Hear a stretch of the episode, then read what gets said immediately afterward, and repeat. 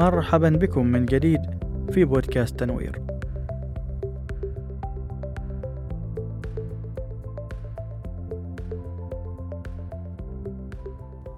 هذه هي آخر حلقة من سلسلة المحارب.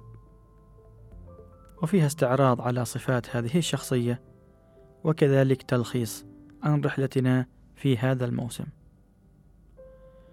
وإليكم يا أصدقائي بعض الخصائص. لأن لو اجتمعنا كلنا نتحدث عن خصائص هذه الشخصية من منظورنا جميعا فأنا أتوقع أنه ما بننتهي قريب. الخاصية الأولى. المحارب قبل أن يتخذ أي قرار فإنه يفكر ويبحث ويراجع لا يتسرع ويأخذ كل نقطة بعين الاعتبار ويتحمل مسؤولية كامل الوعي. الذي يحضره إلى الوسط ويتخذ هذا القرار بإرادته الحرة وبدون ندم لأنه أخذ وقته ليفهم ويقرر بصدق وصفاء نية. الخاصية الثانية المحارب صبور ينتظر بصبر ويعرف لماذا هو ينتظر. كصبر المزارع يرمي البذرة ويتعهدها بالرعاية لتكبر وتزهر. فالمزارع لا ييأس بسهولة ويترك البذور بلا اعتناء. فصبره واعي. أن البذور ستنبت في يوم من الأيام وتكبر ويرى ثمرة نتاجه وثمرة اعتنائه. وهكذا المحارب مع الأفكار والوعي فهو يزرعها بلطف ويتعهدها بالرعاية ويستمتع برحلته حتى يجني الثمر في الحياة والمستقبل الذي نذر نفسه لأجله. الخاصية الثالثة يرى كل شيء على أنه فرصة للتعلم، فإنه يتأنى ليفهم ويضع نفسه في عقل الآخر ليفهمه.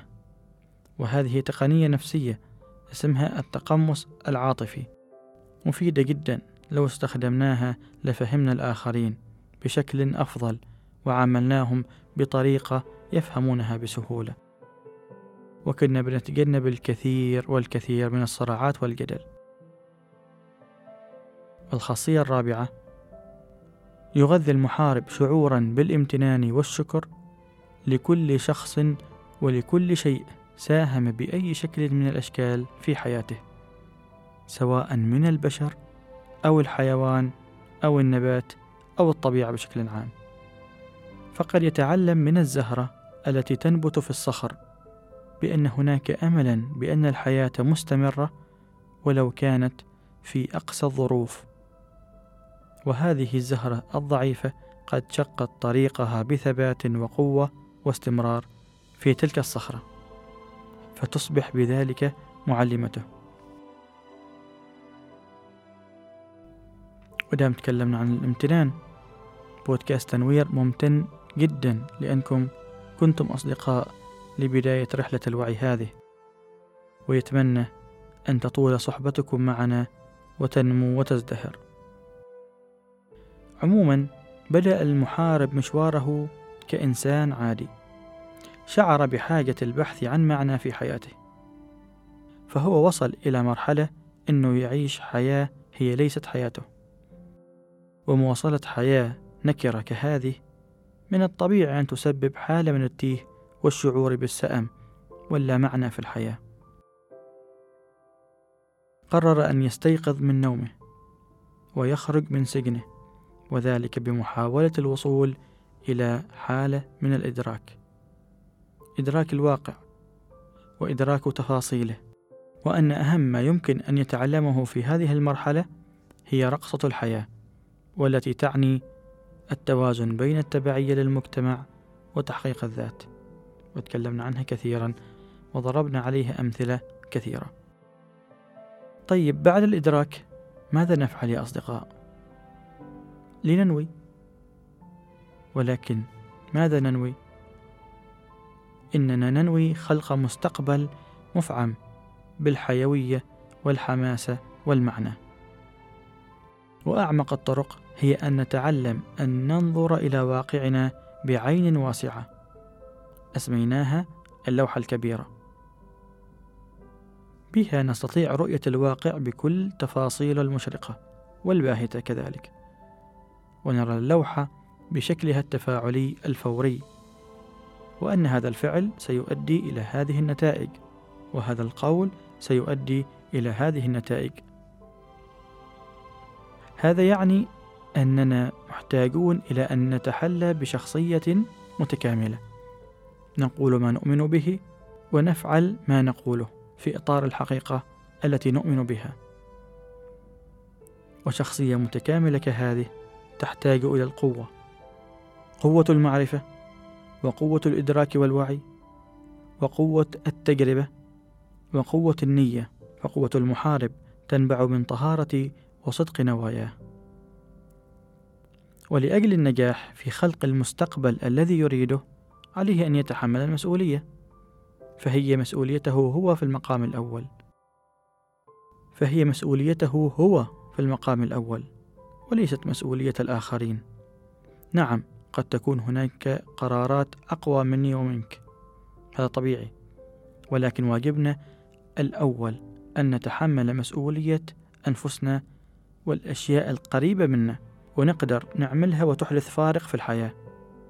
في أشياء كثيرة ممكن نعملها بسيطة وبأيدينا الآن تحدث فارق في الحياة ولكن للأسف ما نفعلها. صح. تحمل هذا النوع من المسؤولية هو ردة فعل طبيعي بسبب وعي الموت. لأن الموت يعلمنا أن ضروري نعيش الحياة هنا والآن لأن أوقاتنا محدودة فلا مجال للتردد ولا التأجيل ولا الندم المفرط. مراجعة القرارات نعم. تقييم القرارات نعم. ولكن بسرعة نريد نعيش ونريد نعمل نشوف المستقبل اللي إحنا نتمنى نشوفه. تلقائيا إذا تحمل الإنسان مسؤوليته سيتغير. وقلنا بأن تغير وعي فرد واحد فقط كفكر أو سلوك يؤثر بدرجة كبيرة على الآخرين. فكيف لو كان التغير هذا يأتي من أفراد كثيرون ويتكاثرون يرتفعون بالوعي بشكل مستمر؟ هذا كله يجعلنا نعيش حياتنا بالشكل والمعنى اللي يشبهنا. بالتالي ما في أعمال غير منجزة في حياتنا ويعني أننا نعيش حياتنا بكل لحظاتها صعودا ونزولا فهذا طبيعي في الحياة. ولكن المحارب يقدر يتجاوز أي نزول بأقل الأضرار ولكن يستثمر أي صعود بأعلى وأكبر الثمار ليش؟ لأنه كل فرصة عنده هي فرصة للتعلم. الحياة الآن تختبرني نزولا الموجة نازلة أنا في ضيق أنا في سأم أتعلم. وش ممكن أسوي؟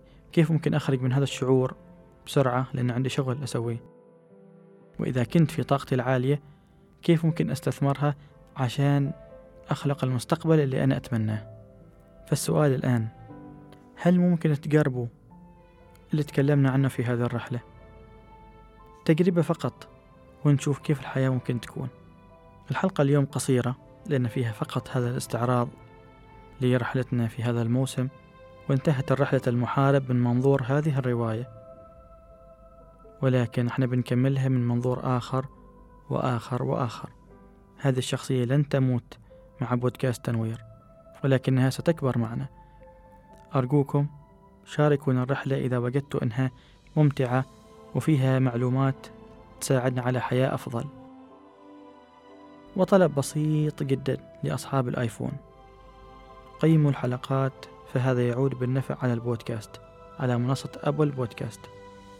وأما كلكم شاركوا الحلقات والمعرفة إذا وجدتوا فيها شيء جميل ويساعد الآخرين. لنخلق محاربين مسالمين واعين في كل مكان. وأتمنى لو تشاركوني على إيميل البودكاست انطباعكم عن سلسلة الموسم الأول. سلسلة المحارب. بأي نقد أو فكرة تحبوا لأني أكيد بستفيد. أخيرا ممتن لوجودكم طوال هذا الموسم. ولنا لقاء قريب ومليء بالكثير من الحب. أوه. كأني غششتكم عن موضوع الموسم القادم. عموما ألتقيكم قريبا أيها المحاربون. إلى اللقاء.